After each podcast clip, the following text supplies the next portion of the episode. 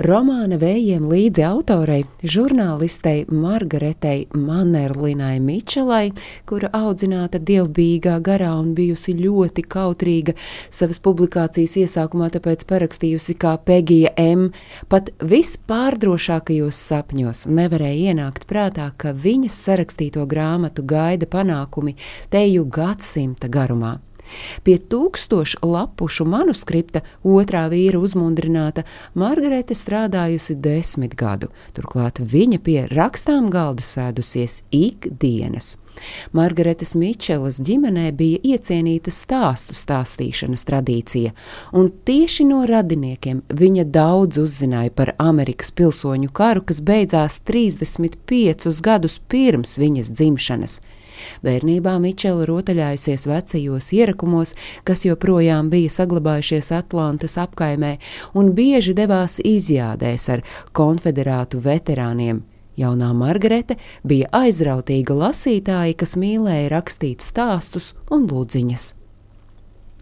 1926. gada pavasarī pēc ceļgala traumas viņai sākās artrīts, kādēļ Margaretei nācās pamest reportieres darbu vietējā laikrakstā, un tieši šis notikums kļuva par leģendārā romāna tapšanas ierosinātāju.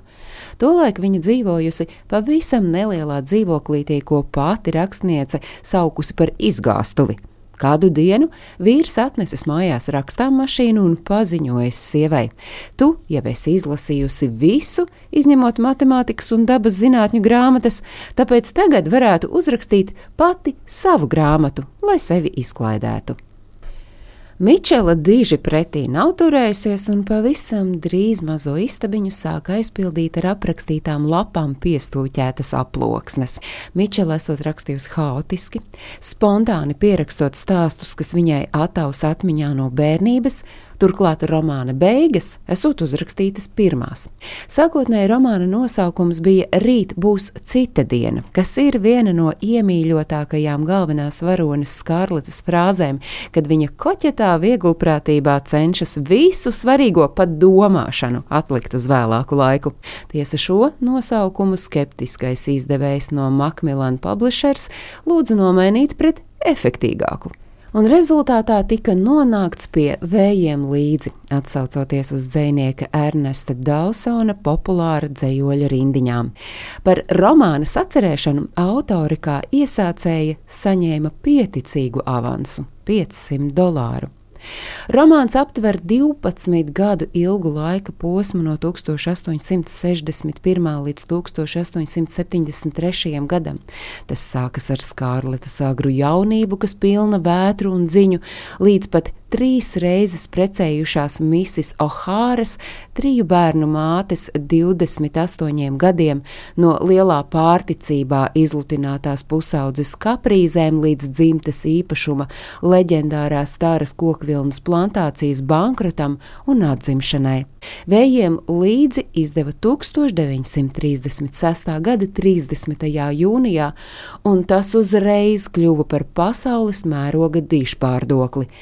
Dienas laikā pārdeva 50 tūkstošu eksemplāru, bet pusgada laikā jau bija pārdots viens miljons romānu. Tātad, ja avansā viņa saņēma 1500 dolāru, tad gada laikā autora atlīdzībā Mičela nopelnīja 3 miljonus dolāru. Šodien tie būtu vairāki desmiti miljoni dolāru. Gadu pēc iznākšanas vējiem līdzi saņem Pulicera prēmiju literatūrā, bet brīdī, kad Holivudas producents Dēvids Selzniks vienojoties ar Mičelu nopērk romāna ekranizēšanas tiesības, viņa saņem debitantei necerētu un rekordlielu tiem laikiem summu - 50 tūkstošus dolāru. Filma pie skatītājiem nonāk 1939. gadā un kļūst par vienu no amerikāņu kultūras fenomeniem. Romāna un filmas panākumi iecēla Margaretu Mičelu slavas zenītā. Fānu mīlestība bija tik liela, ka Mičelu grāmatas izdošanas dienā apsēda cilvēku pūlis, kas norāva viņai apģērba pogu un pat izrāva matu šķipsnu. Un iespējams tieši šis incidents kalpoja par ierosinājumu norobežoties no sabiedrības un rūpīgi, jo rūpīgi sargāt savu privāto dzīvi, stāstīja Agnese Drunka.